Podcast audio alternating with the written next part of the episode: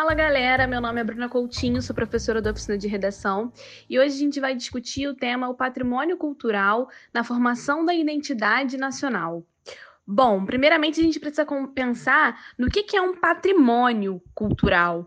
O patrimônio é uma palavra usada para se referir aos bens, às riquezas e, nesse caso, culturais de uma sociedade. Então, a nossa música, as nossas danças, os nossos museus, os nossos espaços públicos são considerados patrimônios culturais.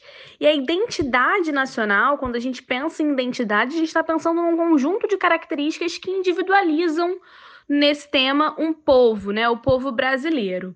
Então, a primeira coisa que a gente precisa pensar é o seguinte: Hoje, no Brasil, a gente tem uma valorização desse patrimônio cultural de modo a gerar uma identidade, de modo a construir uma identidade que seja de fato representativa do povo brasileiro? A gente percebe que não, por alguns argumentos que a gente vai ver ao longo desse podcast, mas a gente já consegue pensar como uma tese possível para esse tema na ideia de que a gente vive em um país em que se desvaloriza os seus patrimônios, que desvaloriza os seus patrimônios culturais e por conta disso ocorre uma dificuldade em construir uma identidade nacional.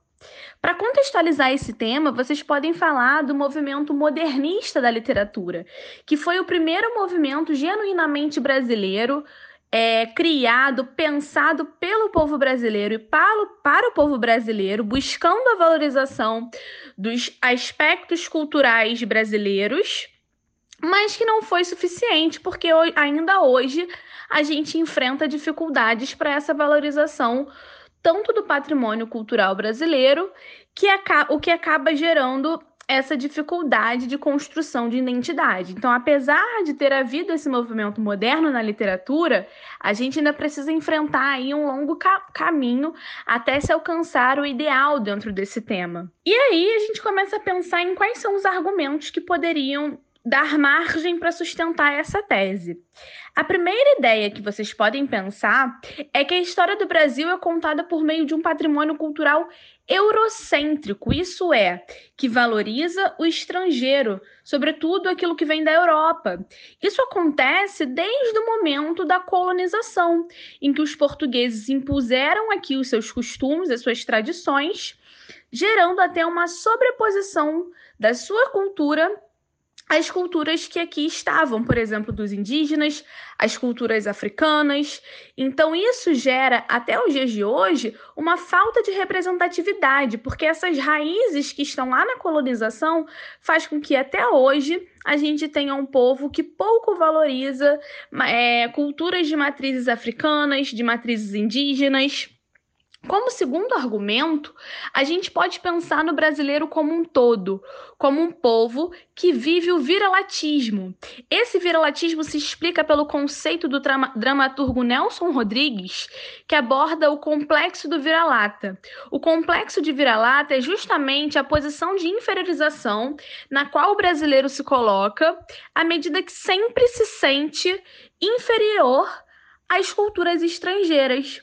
Um exemplo disso é a nossa própria música, a nossa própria vestimenta. A gente escuta a música americana, a gente assiste aos filmes americanos, a gente veste, a gente usa as marcas americanas.